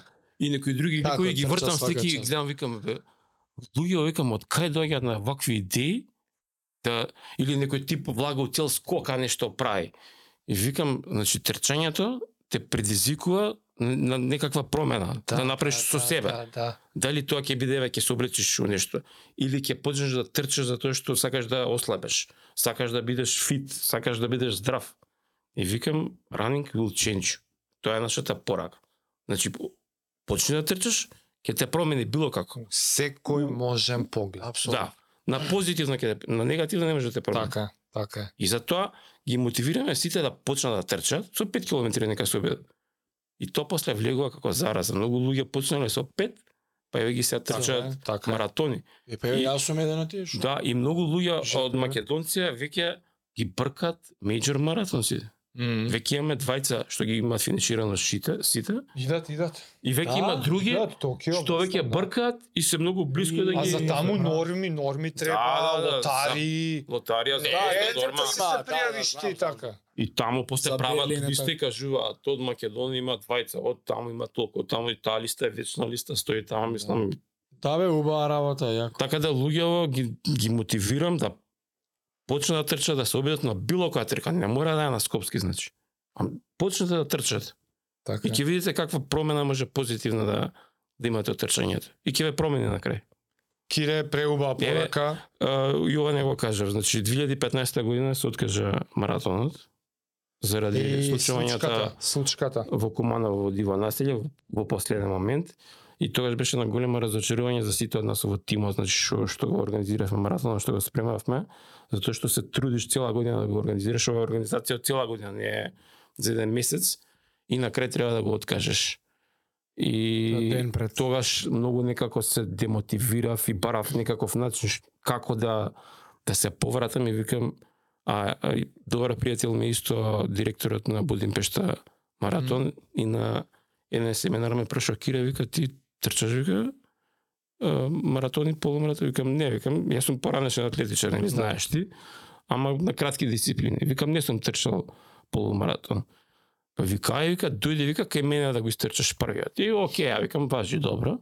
И кога се случи 2015 откажувањето, ми требаше нешто да се вратам и викам, сега викам, Арпад викам ме викна, ќе се пријавам кај него, тоа беше значи мајка се откажа, а неговиот полумаратон беше во септември, викам ќе се спремам три месеци Аха. за полумаратон. И се спремам за да го истрчам мојот прв полумаратон.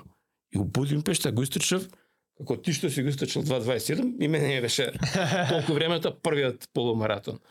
И после тоа почнав веќе редовно да трчам, истрчав пет маратони Браво. Браво. и да. симнав на 2.07. Оваа година се пријав и за Лјубљана да отидам и таму да истрчам, така да а, Таму и снег да не ме фати.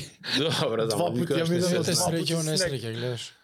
Он е после негде при крај на октомври. 22 октомври. Да, да. Супер, баш ми е мило, не знаев дека и ти си се растрчал, нормално. Да, знаеш Ајде, така, ај ќе те фати ме, ме, бубачката. некако морав нешто да направам некака промена, викам ќе трчам и знаеш друга кога си од другата страна да видиш што како Како се не, случува да. затоа што Ама и добар Не можам на- не можам Да. на својот маратон да трчам затоа што некој прашува да ти трчаш, не можам сега и да организирам и Така, да да, трчаме. Да.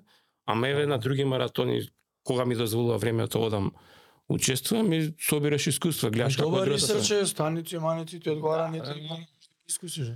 Јас сум атлетичар, јас гледам со други очи, памтам други времења и и да кажам ја да го фалам, ја сум biased. Жаре не, Јас Жаре не е biased, Жаре има секој ден пофални зборови. Така да, фала ти најмногу за се што правиш за Скопски, фала што дојде да споделиш. Добре, и не правам јас сам тука да се разбереме. Јасно, јасно. Имам голем тим околу мене Нормално, што ми јасно. помага затоа што Кажа 500 некој- дека- некој ми викаат, а, твојот маратон, викам, извини, не е мој маратон. Да, значи, јас сум директор, по некоја Управо се си, управо случајно става тоа поставен. контент, ама, Ама маратонов е на градот Скопје на Република Така е, Македонија. така е. Како како И представник така треба на да си сите го тие. сите негуваме и да си го сакаме. Така. Затоа што утре ја нема да бидам директор, некој друг ќе биде, ама треба ама и таква маратонот да остане. така и го гледам. Јас до денес не знаев кој е директорот на Скопски маратон. Тој нема потреба Не да знам, Е, што така, познавам што? ја. Томе му викам, го познаваш ли директорот на Како не? Ам дај човече, ја дојде викам, се спремам да да испромовирам. Ја дори бруки не не ни поврзав како викам со Кам дај да киле. испромовираме, помогнеме колку можеме да се пријави народ, дали се петки, 20 и 42 Не можам јас да ги влечам само од сала, викам, еве платформа една нека збори. Баш Ништо ќе те чекам на целта. Кој ти е таргет време? Не, испод Четири. 4.30. Испод 4:30 ќе ќе гледам да те пречекам. Да.